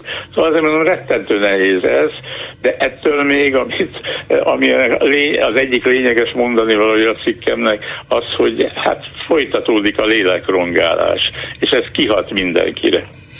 És a lélek, a lelkünk megrongálása ellen mi tudunk tenni valamit? Hát ez a baj, hogy nagyon keveset, mert ugye azt meg lehet tenni, hogy az ember nagyon kétségbe esett helyzetbe kerül, akkor mondjuk pszichoterápiáért valakihez fordul szakemberhez. Na de hát ez is egyre nehezebb, mondjuk úgy most nagyon praktikus leszek TB alapon, tehát magán rendeléshez kell folyamodni, ami pénzbe kerül, nem is kevésbe. Na igen, de kinek van erre pénze? Hát mondjuk eddig még azért a középosztálybelieknek elég sok pénzük volt, de hát most már kevesebbeknek van, mert a hatalmas infláció miatt, meg hasonló dolgok miatt. Úgyhogy ez, ez is szűkül össze, és ez, ha ez meg szűkül össze, akkor növekszik azoknak a száma, akik kudarcokat élnek, meg frusztrálódnak, nem is tudnak mit kezdeni, ezekkel, nem tudnak hova fordulni, eh, stb. stb. Tehát minden, és ez, ez csak egy példa ugye a, a többi között, de minden területen ez van, hogy egyre, egyre jobban visszaszorulnak ezek a lehetőségek. Úgyhogy én eh, lehet, hogy ilyenkor optimizmust vár tőlem, vagy a hallgató optimizmust vár. Én ebben nagyon pessimista vagyok. Úgy is mondhatnám, hogy E, amíg ez a rendszer fönnáll, addig ez nem valószínű, hogy jobb lesz. Hát tényleg nem volt túl optimista, de én bár nem vagyok pszichológus, én itt folytatom a rendelést, ameddig lehet. Köszönöm szépen Rudas Jánosnak, viszont hallásra! Viszont hallásra! A hírek után is lesz mit megbeszélni. Röviden mai témáinkról magyar békefenntartókat támadtak meg Koszovóban, 19 katona megsérült, NATO békefenntartó egységről van szó.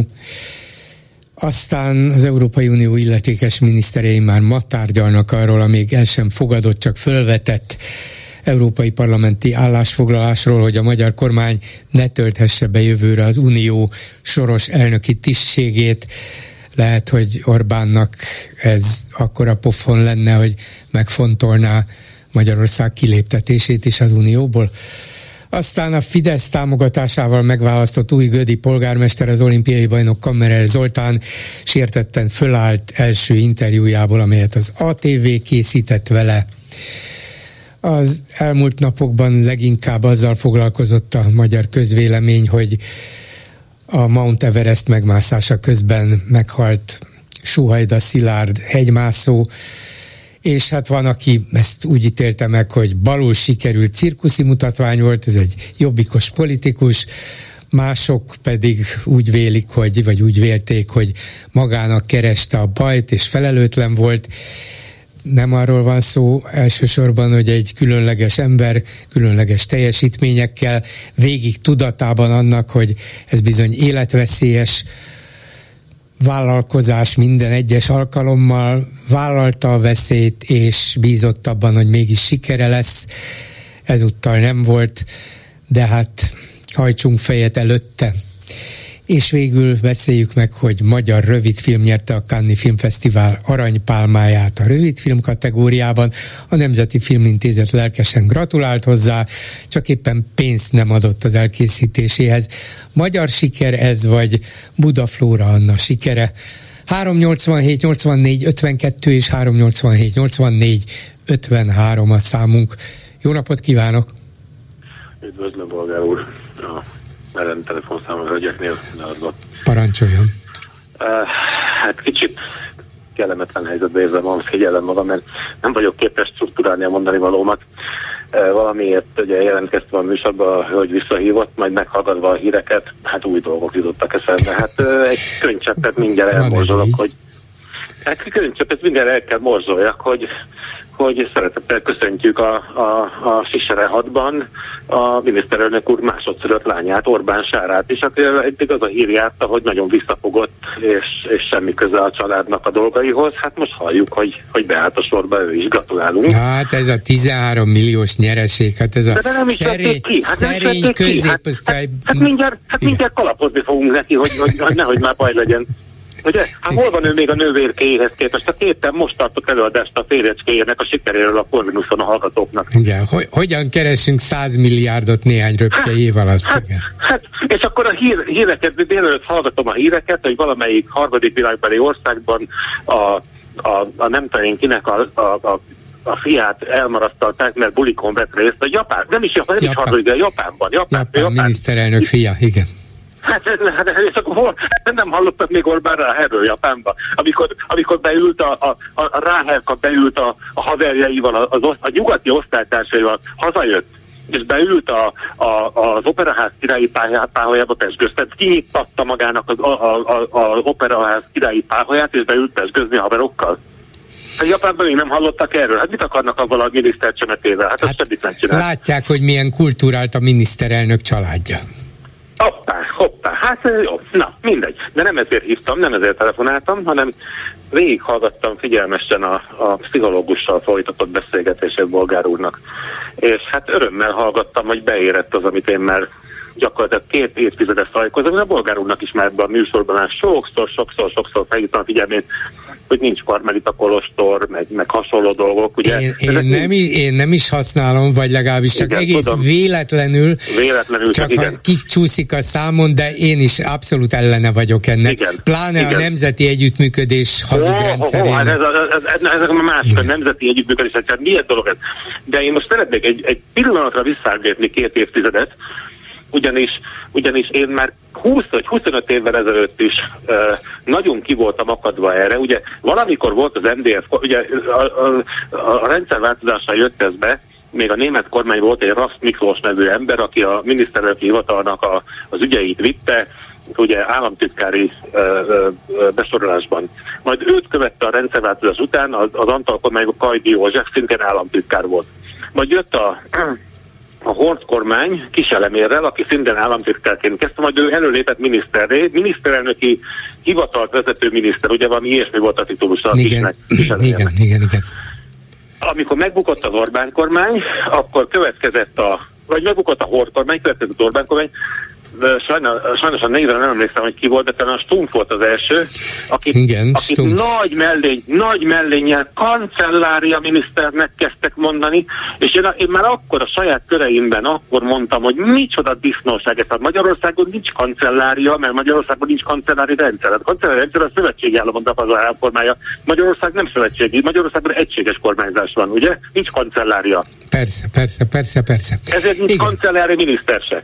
Na most, amikor megbukott bukott az első Orbán kormány, akkor a Megyesi és a, a, a Slepje nagy mellénnyel, ami ugye a debreceni megfogalmazás szerint lötyögött, az Orbán nagy mellénnyel lötyögött a, a, a Megyesin, tovább vitte ezt a marhaságot, és azóta is mindenki kancellária miniszterezik. És én azóta ez ellen következetesen a saját társaságomban mindig mondom, hogy szó sincs, nincs kancellária miniszter. De itt kezdődött, itt kezdődött uh-huh. ez a mhm. marhaság, és így jutottunk el a Sándor palotához, meg a Nemzeti Együttműködés rendszerhez, meg az többi ökölséghez, ugye?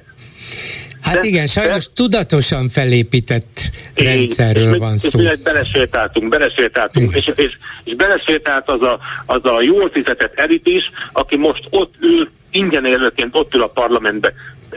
Mélységesen mély tisztelet a nagyon, ki, nagyon kisszámú uh, uh, kivételnek, úgy, mint hatházi, talán a MSZP-ből Kóros Lajos, akit, akit, akitől, el, akitől el tudom hinni, hogy ő őszintén harcol azért, amit, amit gondol, vagy az MSZP alelnöke, vagy elnök helyettese a Komiát Imre, aki dolgos gyerek volt, és, és ő tényleg, de a többi, aki ott ül, a havi felveszi, a, felveszi a havi két, két és fél millió forintokat, költségterítéseket, és, és, és, és gyakorlatilag semmi, semmi jelen nincs annak, amit vérlázító. De nem ezért telefonáltam, nem ezért.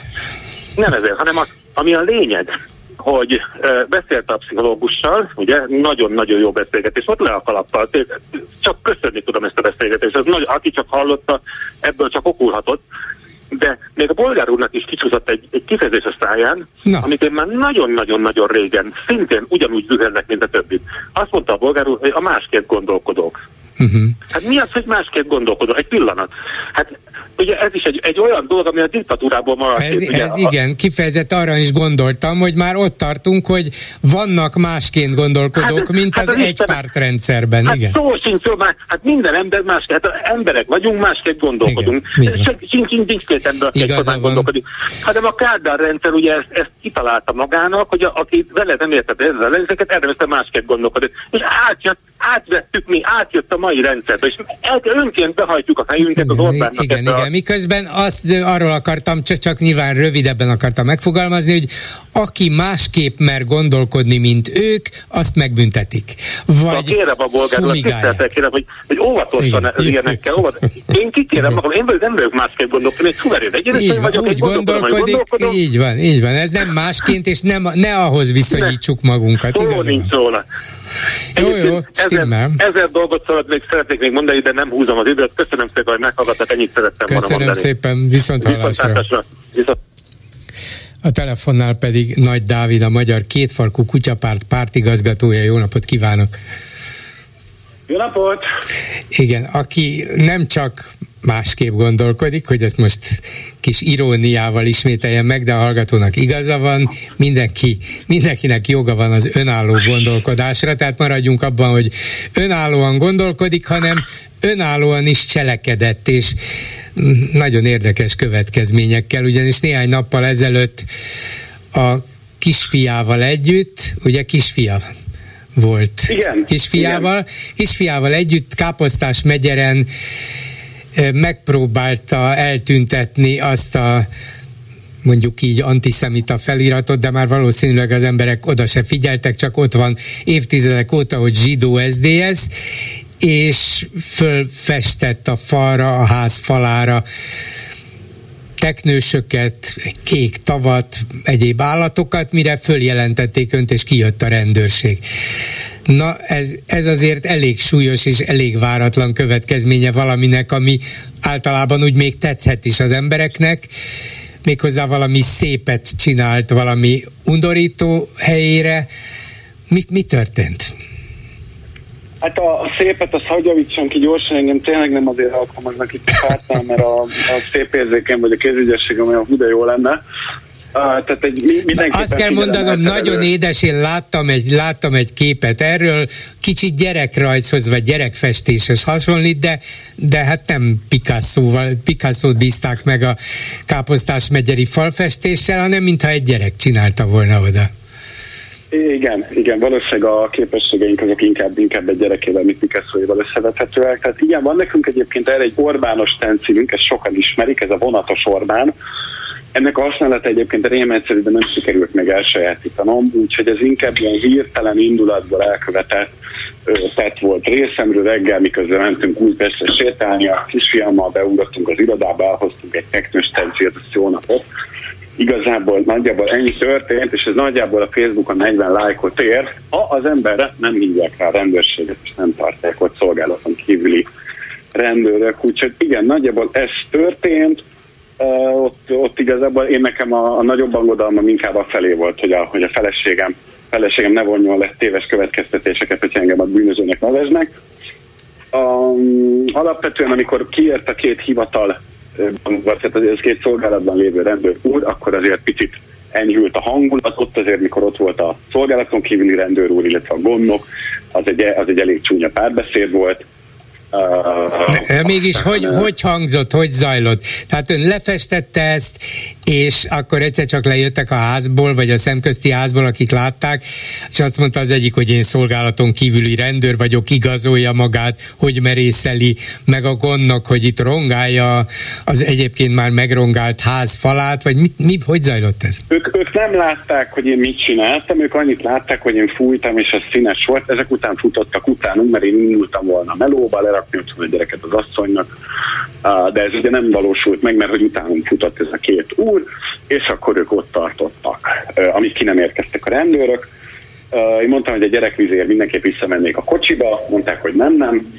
Én meg mondtam, hogy akkor azonosító számot mondjon az úr, ezt nem mondta, majd én cinikusan megjegyezte, hogy három. Mondom, akkor jó, ha három, akkor én megmegyek a gyerek vizéért, és akkor miközben mentünk az autó felé, megjöttek a, a rendőr urak, elkezdtünk beszélni, hogy én mit csináltam, én elmondtam, hogy mit csináltam, elmondtam, hogy véleménynyilvánításként fejeztem én ezt ki, egy korábbi rongálást írtam felül, ami szerintem antiszemita is, mert az sds nagyon sok baj volt, de nem az, hogy zsidó, illetve az a nagyon sok baj, ami az sds volt, az nem abból következett, hogy ö, ott, ott több zsidó van esetleg. Úgyhogy én ezeket elmondtam, ott a kapitánysággal lejátszódott egy nagyon izgalmas beszélgetés, nem nagyon akarták elhinni, hogy itt teknősök lettek ráfújva a, a, a házra, gondolom nem ehhez az ügyekhez szoktak a kapitányság beliek. És akkor az egyik rendőr úrnak elhangzott a szájából, mikor picit már egyült a hangulat, hogy ebből gyermekvédelmi ügy lesz, mert a bűncselekménybe belevontam a gyermekem. De ez eleve, bűncsele, ez eleve bűncselekményként volt apostrofálva? Igen, ez nagyon érdekes kérdés, és pont a kutyapártnak a létét, meg a, meg a minden árszpolitikáját befolyásolja az a tavalyi kúria döntés, ami szerint bármilyen fal, falpirka is történik, az rongálás. Nem lehet szabálysértés, nem lehet véleménynyilvántás, ez minden esetben rongálás, hogy ne dobálják egymáshoz az ügyet a különböző bíróságok, rendőrségek, önkormányzatok.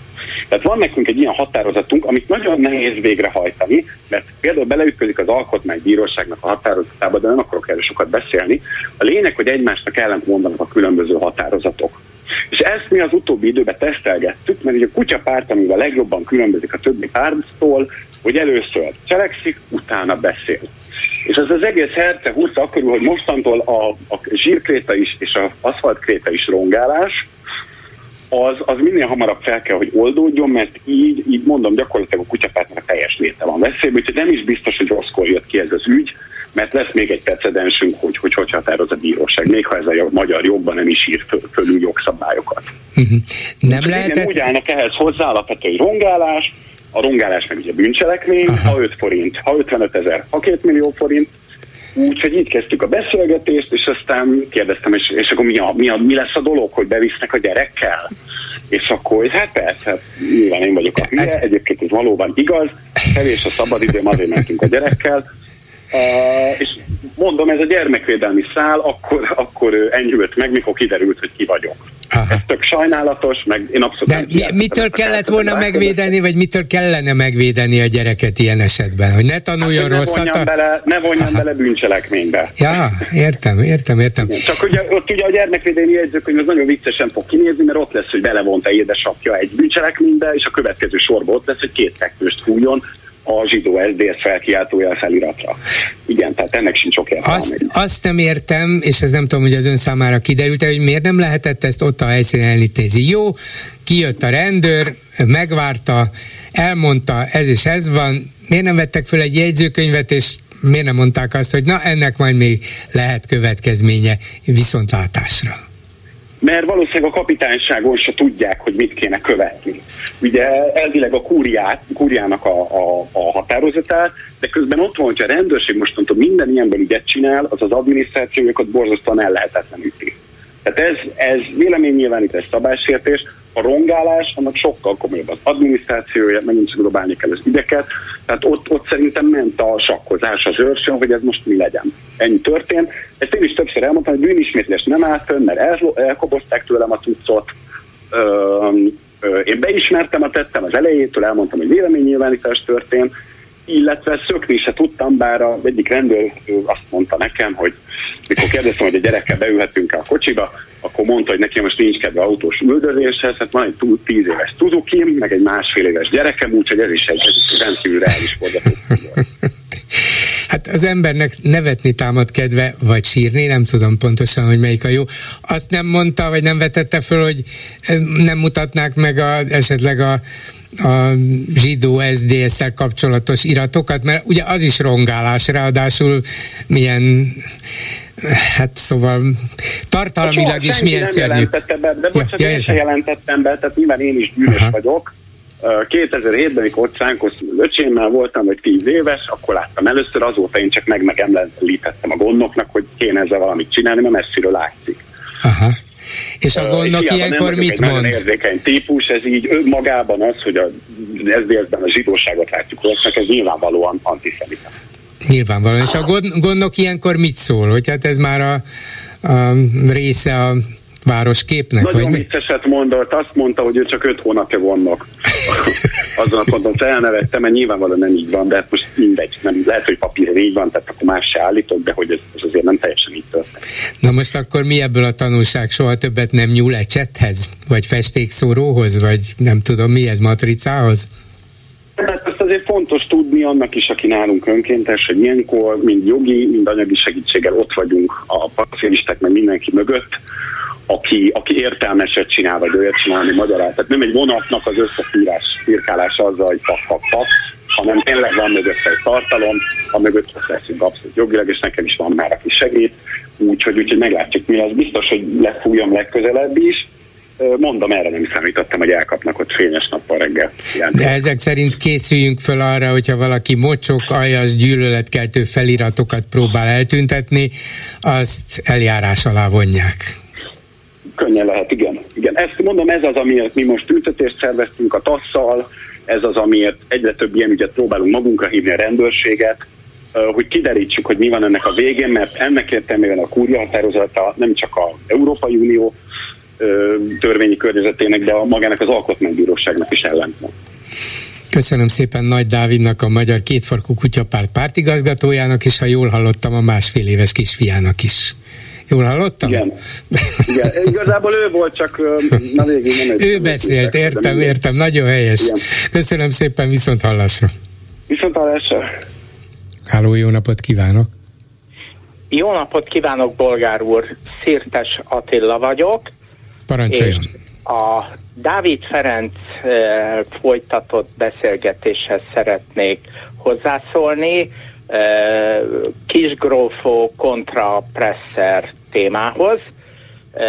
Bennem az merült föl, hogy miért gondoljuk azt a miniszterelnökről, hogy ő egy ilyen nagyon széles látókörű, művelt ember, aki abszolút érzékeny a kultúra minden területével kapcsolatban, mikor neki a napi x órába, 18-20 óra, nem tudom milyen a munkaideje, csak a politikai kérdésekkel és a politikai irodalmá, irodalommal foglalkozik.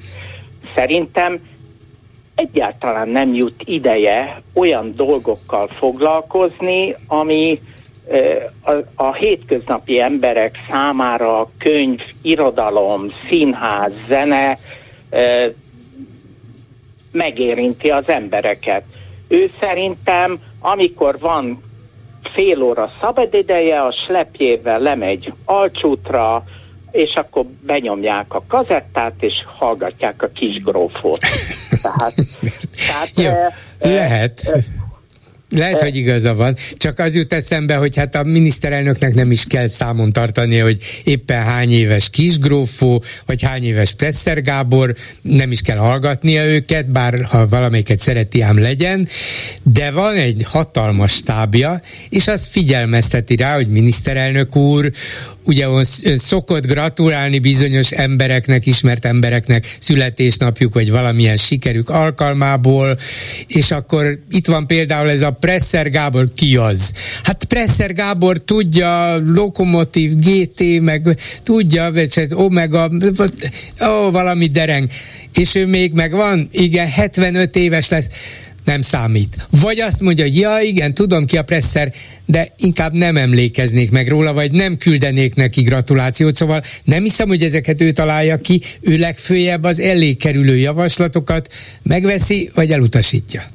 Hát akkor ez a stábját minősíti, mert egy neoprimitív stábja lehet ebből a szemszögből nézve, hogy annyira elvakultak, vagy annyira, hogy mondjam, félműveltek, nem tudom, mert nem ismerem őket, tehát nem szeretem ezeket a jelzőket, de hát egyszerűen ezek az információk aztán a közvélemény elől abszolút el vannak zárva, hogy, hogy milyen szempontok szerint kedvelünk valakit, vagy nem kedvelünk, vagy emlékszünk rá, vagy, vagy nem akarunk emlékezni rá, mert nyilván vannak olyan területek, ugye elhangzott Hankis Ágnes neve, akik hát elég keményen oda mondtak ennek a rendszernek, azt én el tudom még fogadni elméletbe, hogy... Nem, nem, nem, ez nem, nem Hankis Ágnes volt. Bocsánat. Igen de el tudom képzelni, hogy azok az emberek, akik kemény kritikát fogalmaznak meg a rendszer ellen, azokat nyilván nem fogja a Facebook vagy egyéb módon megemlékezni, vagy... vagy De speciál, pre, speciál Presser Gábor nem szokott kemény, kemény kritikákat hát megfogalmazni, az, hanem... Pont ez az, hogy... Lehet, hogy, hogy gondol, de nem mondja. Presser Gábor munkássága, a zenei világa, hát én 66 éves vagyok, és, és hát, na, hát ennyi. Egyszerűen, egyszerűen nem igaz, hogy ezeket az abszolút értékeket nem kellene, vagy nem kell elismerni. Hát ez, ez felháborító. Igen, hát mondjuk tényleg ugye említettem nem Hankis, hanem Heller Ágnes, de ő nagyon szigorú és kemény kritikusa volt a miniszterelnöknek, ott még azt is fel tudom tételezni, a biztos ismerte őt, és nem csak hallott róla, talán bele is olvasott egyik-másik Igen. munkájába, de hogy ott annyira, annyira rossz néven vette azokat a kijelentéseit Hellernek, hogy, hogy ez egy zsarnok, mármint hogy Orbán, hogy na akkor, akkor sem emlékezem meg róla. De Presser esetében ilyet még csak nem is tudna felsorolni, vagy előhozni, és ráadásul egy olyan emberről van szó, akit százszor annyian ismernek, mint amennyien Heller Ágnesről tudtak annak idején, amikor Pontosan. még nagyon aktív volt. Tehát itt még a miniszterelnök saját népszerűségét is növelhetné, vagy növelhette volna, ha gratulál, és mégsem tette. Csak azért, mintha csak azért sem alapon. Az ilyeneknek nem gratulálunk. Én, én arra tippelek, még egyszer hangsúlyozva, hogy nem ismerem a miniszterelnök környezetét, meg pláne nem vagyok benfentes, hogy, hogy most ha ilyen százalékos arányban nézném, akkor lehet, hogy 60-40 százalék a, a stáb és a miniszterelnök műveletlensége, vagy szándékos tájékozatlansága, vagy a szándékos nem tájékoztatása, stb. Tehát most nem akarok itt tototipeket mondani, de egy ország miniszterelnökétől egy, egy minimális általános műveltséget elvárva, hát ne haragudjon a világ, én elvárnám ezt. Uh-huh. Hát nem, nem tudjuk, hogy mennyire művelt, sokat olvas, ezt tudjuk, mindig mutogatja is, hogy hány könyv van az asztalán, de az valóban elsősorban politikai irodalom. Ettől, ettől függetlenül biztos, hogy tudja, hogy ki az a Presser Gábor. Szerintem azt is tudta, hogy ki az a Heller Ágnes és ki az az Eszterházi Péter. Igen. Pláne tudja, hogy ki az a Gálvölgyi János, de lehet, hogy azt is tudja, hogy Gálvölgyi Jánosnak nem ő a kedvenc politikusa, és ezért aztán a maga módján vág vissza vissza, nem mintha feltétlenül Gálvölgyi ragaszkodna hozzá, hogy Orbán Viktor küldjön neki egy születésnapi üdvözletet, feltételezem hát, presszer, presszer sem, az ember nem is tudná ilyenkor, hogy hogy reagáljon, hát pont ez hiányzott nekem, hogy Orbán Viktor gratuláljon, de nem akar, lehet, hogy nem akarja őket, kell, ez az, megvan a megoldás. A miniszterelnök nem akarja őket kellemetlen helyzetbe hozni. Hát én nem hiszem, hogy Presser Gábor ilyen kabátlopási esetben akarna esni, vagy kerülni, hogy véletlenül most gratulál a miniszterelnöknek, na jó, életéve a viccet, e, én, én egy, egy kiegyensúlyozott, egy, egy normális világban. Én úgy gondolom, hogy persze nem kell minden zenei irányzat, előadó, hogy tetszen az embernek, hiszen én sem kedvelek sok előadót, vagy a stílusát, de hát azért amikor egy ilyen évtizedek óta egy ilyen állócsillag elérkezik egy ilyen jelentős születési dátumhoz, Ráadásul azért ő azért úgy gondolom, vagy úgy tudom, hogy állami kitüntetésben korábban persze, részesült. Persze. Tehát legalább az állam ezt tartsa nyilván, vagy, vagy Igen. tartsa számon, és, és ha a nyilvánosságot kizárva, de küldjön legalább egy gratuláló levelet, nem tudom, tehát Mindegy, én ezt még az is lehet, hogy kiderül, hogy szép csendben küldött, csak nem akarta nyilvánosságra hozni, és nyilván a meggratulált sem fog azzal dicsekedni, hogy Orbán Viktor üdvözletét küldte nekem a születésnapomra, hát. még ez is elképzelhető. De hát akkor, gondolom, akkor is furcsa. nyilvánosságra, ha küldene önnek Orbán Viktor egy ilyen levelet. Hű, hát én, én biztos nyilvánosságra hoznám, na, de ennek okay. a pika, pikantériája ugye mégis csak megvolna. Igen, ez egy más szituációban, Igen. más közegben dolgozik, ezt megértem. Igen, de mondom, azon érdemes elgondolkodni, és Dávid Ferenc ezért vette ezt jó szemmel észre, Nagyon hogy, hogy kis grófónak gratulálunk, nyilvánosan presszernek meg nem. Hogy van ez?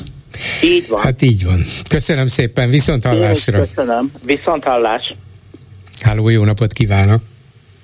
Jó napot kívánok, Német Baski Ágnes vagyok Bács-Kiskun megyéből, Kunszent Miklósról telefonálok. Igen, parancsolja. És én szintén Dávid Ferenc gondolatai és a vele elhangzott beszélgetés miatt hívtam fel önöket, soha nem beszéltünk még. Én azt gondolom, hogy Orbán Viktornál és a Fidesznél ez pusztán egy matematika, ők kiszámolják patika mérlegen, hogy mi az, ami tetszik a szavazóiknak, és mi az, ami nem.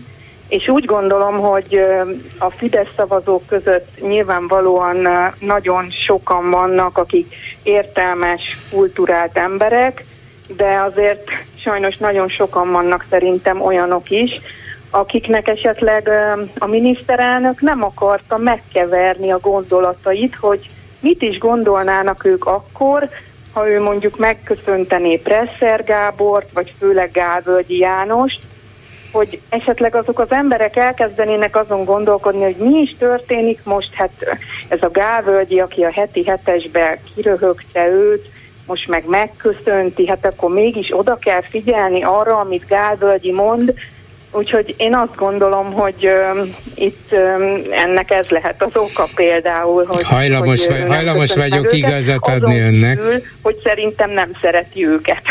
ja igen, igen, ez egy fontos szempont valóban, de valószínűleg igaza van önnek ebben a, a Presser esetében azért gondolkoztam el, mert az még a Fidesz szavazóknál is szerintem egyértelmű, hogy Presszert azért szeretik. Jó, lehet, hogy gyanús, hogy nem csápolott Orbán Viktor mellett, amikor mások esetleg megteszik, úgyhogy nyilván nem szereti őt annyira, de, de miután általában tartózkodik a nyílt politikai állásfoglalástól, ezért nem bántaná az ő érzéseiket, és, és talán nem zavarodtak volna meg, hanem arra gondoltak volna, hogy na hát tényleg ez a presszer azért mégis csak valaki, szeretjük, és mennyi jó száma volt, és igazán éljen még tovább 120 évig, és így tovább. Szóval elfogadták volna, talán még mérhetően is jót tett volna a miniszterelnöknek, ha valóban mindent mérnek, mint ahogy tudjuk, hogy igen.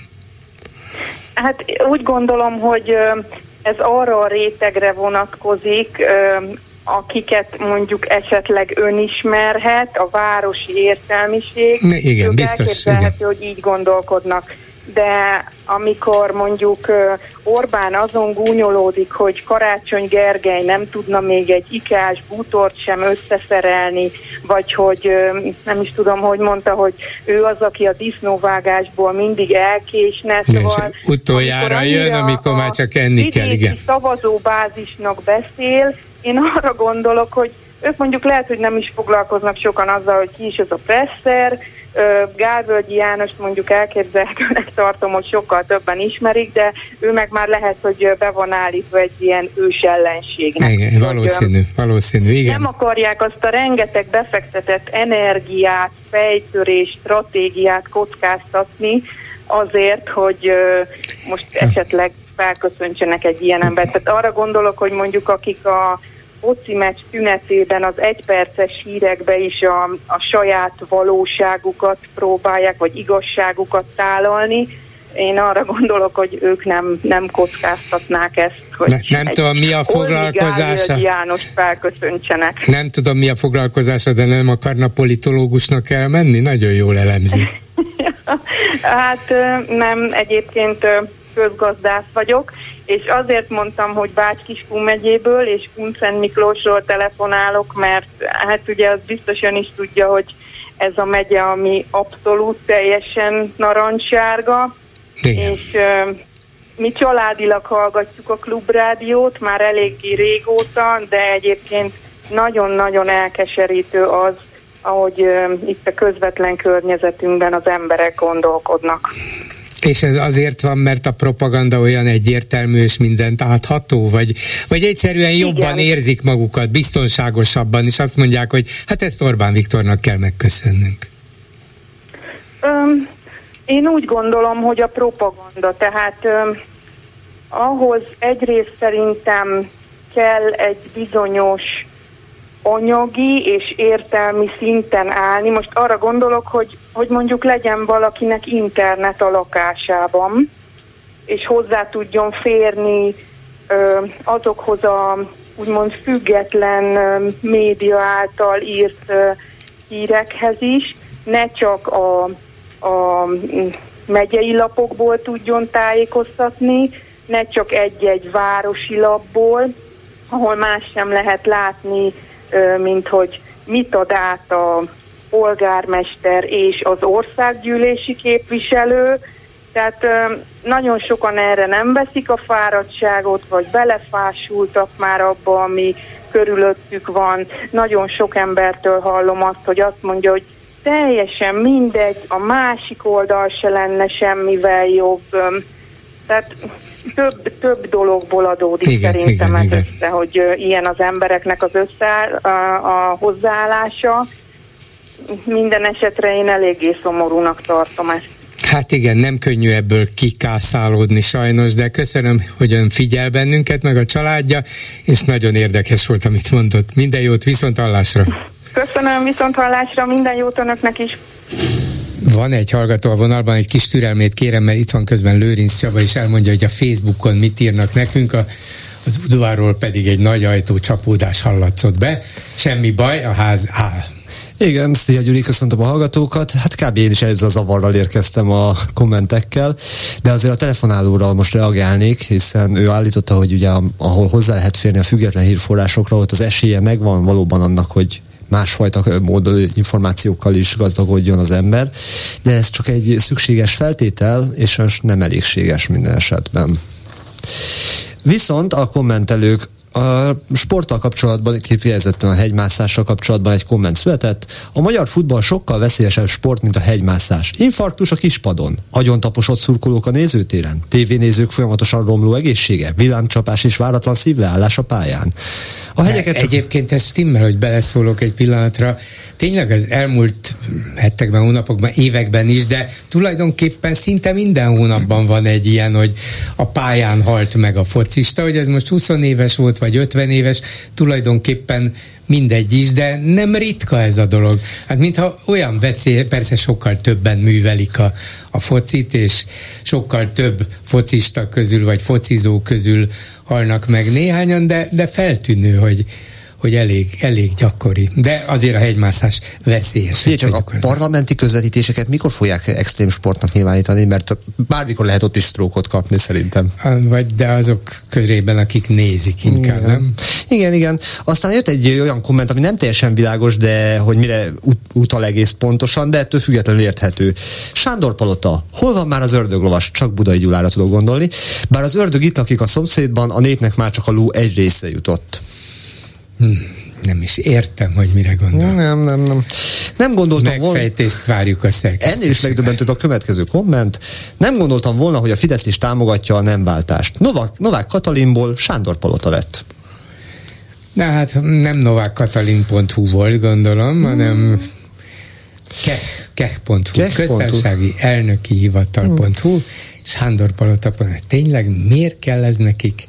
Építik ezt a ezt a képzeld el, hogy- mesevilágukat, borzasztó. De képzeld el azt az online szerkesztőt, aki ezzel az oldallal foglalkozik. Mivel foglalkozó? Kehes vagyok. Ja igen, ezért változtatták. Igen, igen. A másik gondolat a hegymászással kapcsolatban, a serpákat is veszélybe sodorja a sport, ez a sport. Nem hiszem, mert ők ugye erre fel vannak készülve, pontosan jobban ismerik a hegynek a viselkedését és időjárási viszonyait, mint bárki más, aki oda megy felmászni. Persze, persze. Aztán Megnézve a Kammererféle rövid interjút, azonnal szembetűnő volt a feszültség, ami a testbeszédéből látszott. Ez mondjuk nem is csoda, hiszen azzal a kampányolt, hogy az ő kapcsolatait, a kormányzati kapcsolatait fogja felhasználni a, a település érdekében. Nem, meglepő volt mindenképpen, mert annyira amatőrnek látszott, ami még egy profi sportolótól, ha nem foglalkozna politikával, már pedig ő elkezdett mégiscsak, akkor is, akkor is furcsa, mert jó, a, a sportriporterek általában semmi keményet, semmi kínosat, kellemetlen nem szoktak kérdezni, de azért a profi sportolók folyamatosan tudnak válaszolni, meg a buta kérdéseket is el tudják kerülni. Szóval itt nem volt buta kérdés, lényegre törő kérdés volt, de hát valaki, aki beáll, beáll egy ilyen versenybe is, tudja, hogy miért akar polgármester lenni egy ilyen városban, hát ezekre föl kell, hogy készüljön, és mondom, a Fidesz állt mögötte, biztos vagyok benne, hogy föl is készítették, ennyire sikerült? valaki megjegyezte, hogy ezek a politikusok olyan sértődékenyek. Így aztán Pintér Sándor gyepmesternek, Novák Katalint Manil jelzővel, és Kammerert, ha az evezőnél maradtál volna, jelzővel illette. Igen. Ö, aztán mi volt még? Koszovóval kapcsolatban azért valaki felhívta a figyelmet, hogy azon az ellentüntetésen, amit Vucic az ellenzéke ellen hirdetett, gyakorlatilag ilyen békemenet formára, vagy nem tudom melyiket honnan vették, hiszen Igen. Koszovó története is illetve Szerbia története is hasonló. Szijjártó Péter Belgrádban lelkesít beszédet olvasott fel szerbül. Ez, igen, igen. ez sokat elárul. Igen, meg is voltam lepve, hogy ennyire azonosulunk a szerb politikával, hogy a magyar külügyminiszter szerbül, nem tudom, hogy tud-e beszélni, nem, nem merek vélemény nyilvánítani, felolvasta, ez biztos, hát ahhoz is kell képesség, hogy fel tudjon valamit olvasni szerbül, de hogy egy politikai nagygyűlésen beszélni, és folyamatosan ugye arról beszélnek, hogy mi, mi nem mondjuk meg senkinek, semmilyen országnak, hogy hogy éljenek, milyen politikát csinálják, mi nem szólunk be senkinek a belpolitikában, nem. De a Vucicnak a nagygyűlésén vett részt a magyar külügyminiszter. Jó napot kívánok! Valaki azt vetette fel, hogy eddig tartott a háború a békepártiságunk? Hát nem tudom, érdekes lesz itt a reakció, hogy mit csinálunk. Ennyi lett volna a komment szekció. Köszönöm, és akkor itt a hallgató a vonalban, aki remélem türe- türelmesen várt. Háló, jó napot kívánok! Vagy nem? halló? Halló, halló. Én hallok valamilyen nest. Halló? Igen, jó napot kívánok, tessék parancsolni. Jó napot, Anna vagyok. Bocsánat, csak úgy tudtam, hogy van előttem még valaki. Régen hallottam. Vagyok, úgy látszik.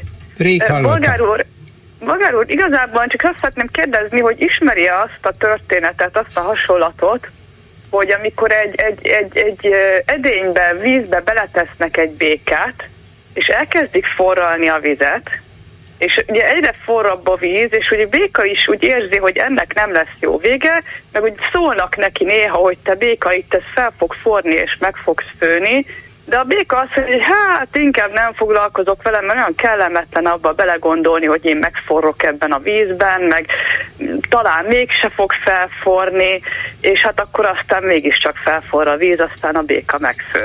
Igen, ezt a hasonlatot sokan használják, legutóbb egy órával ezelőtt Rudas János Igen. pszichológus mondta el, de még Orbán Viktor is használta, igaz, nem arra, hogy a magyar igen. népet így főzi meg szépen, ő másra használta, igen, igen, elég gyakori, igen. és sajnos jó leírása annak, hogy hogy lehet a népet félrevezetni tudatosan. Igazából én ironizálni szerettem volna ezzel, mert tényleg az elmúlt hónapokban megállás nélkül mindenki ezt a békás hasonlatot használja, úgy, mintha nem lehetett volna látni már tényleg tíz évvel ezelőtt, hogy mire fog ez a játék kimenni. Nagyon jól lehetett látni, nem arról van szó, hogy senki nem gyanította, gyanította mindenki. Eh, nagyon jó volt az interjú a Rudasúrral, de ez, ez tényleg ezen már, ezen már uh, mindig felkapom a vizet egy kicsit, ha meghallom ezt a hasonlatot, mhm. mert uh, tényleg lehetett látni, hogy mire megy ez ki, többször is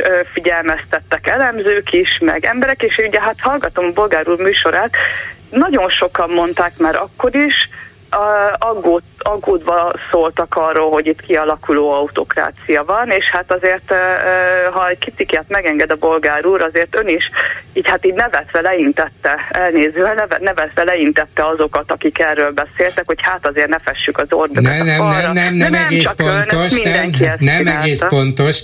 Én arra szoktam gyakori nemet mondani, hogy ez még nem diktatúra. Az autokráciát, azt első perctől kezdve mondtam, ez egy önkényuralom, egy vezér irányította önkényuralmi rendszer, csak amikor arról beszélünk, hogy diktatúra, akkor szerintem ezt a, ezt a fogalmat használjuk, vagy hagyjuk meg arra, ami valóban a magyar történelemben is elég gyakran volt, véres volt, és kiméletlen, és, és gyilkos, és így tovább ez egy autokrácia, egy önkényuralmi rendszer, ami megy sajnos egy diktatúra felé, reméljük nem fogja elérni azt a kiméletlen hát, diktatúrát. itt jön be a béka, bolgárul, elnézést kérek, hogy közbevágok, de itt jön be a béka, mert ide akartam, erre akartam rámutatni, Igen. hogy tíz éve lehet látni, hogy merre megy ez az uralom, hogy Orbán Viktor mit épít ki tíz éve, és tíz éve azt mondogatja, nem csak ön egyébként, tehát hogy ezt, ezt, ezt mindenki, aki, hát ez hát nagyon sokan, nem mindenki, hogy jaj, hát még nem tartunk ott, jaj, de hát reméljük, hogy nem az lesz, de hát nem.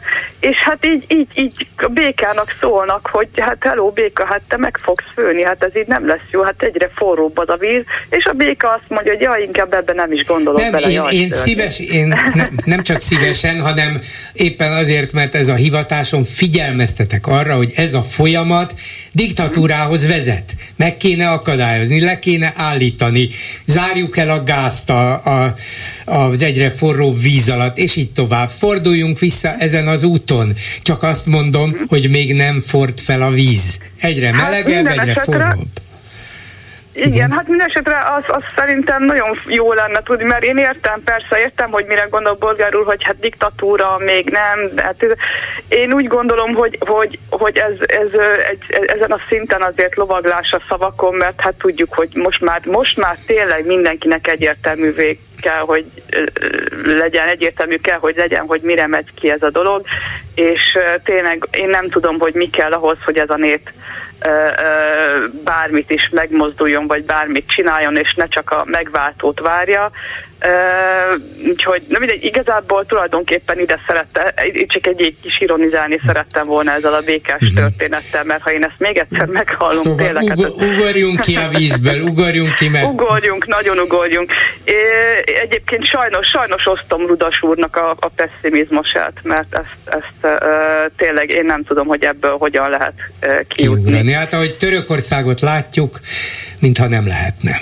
Törökországban azért ne felejtsük el, hogy ott Erdogán nem kétharmaddal, nem is háromnegyeddel győzött, hanem ott sokkal-sokkal szorosabb ne, volt a verseny. Biztos, igen. Úgyhogy azért ott, ott sokkal jelentősebb része a társadalomnak az, aki, aki átlát a szitán. Uh, itthon, itthon, itthon tényleg ez sajnos Itthon reménytelenebbnek látszik. Igen, köszönöm Igen. szépen, köszönöm, viszont hallásra. Viszont hallásra.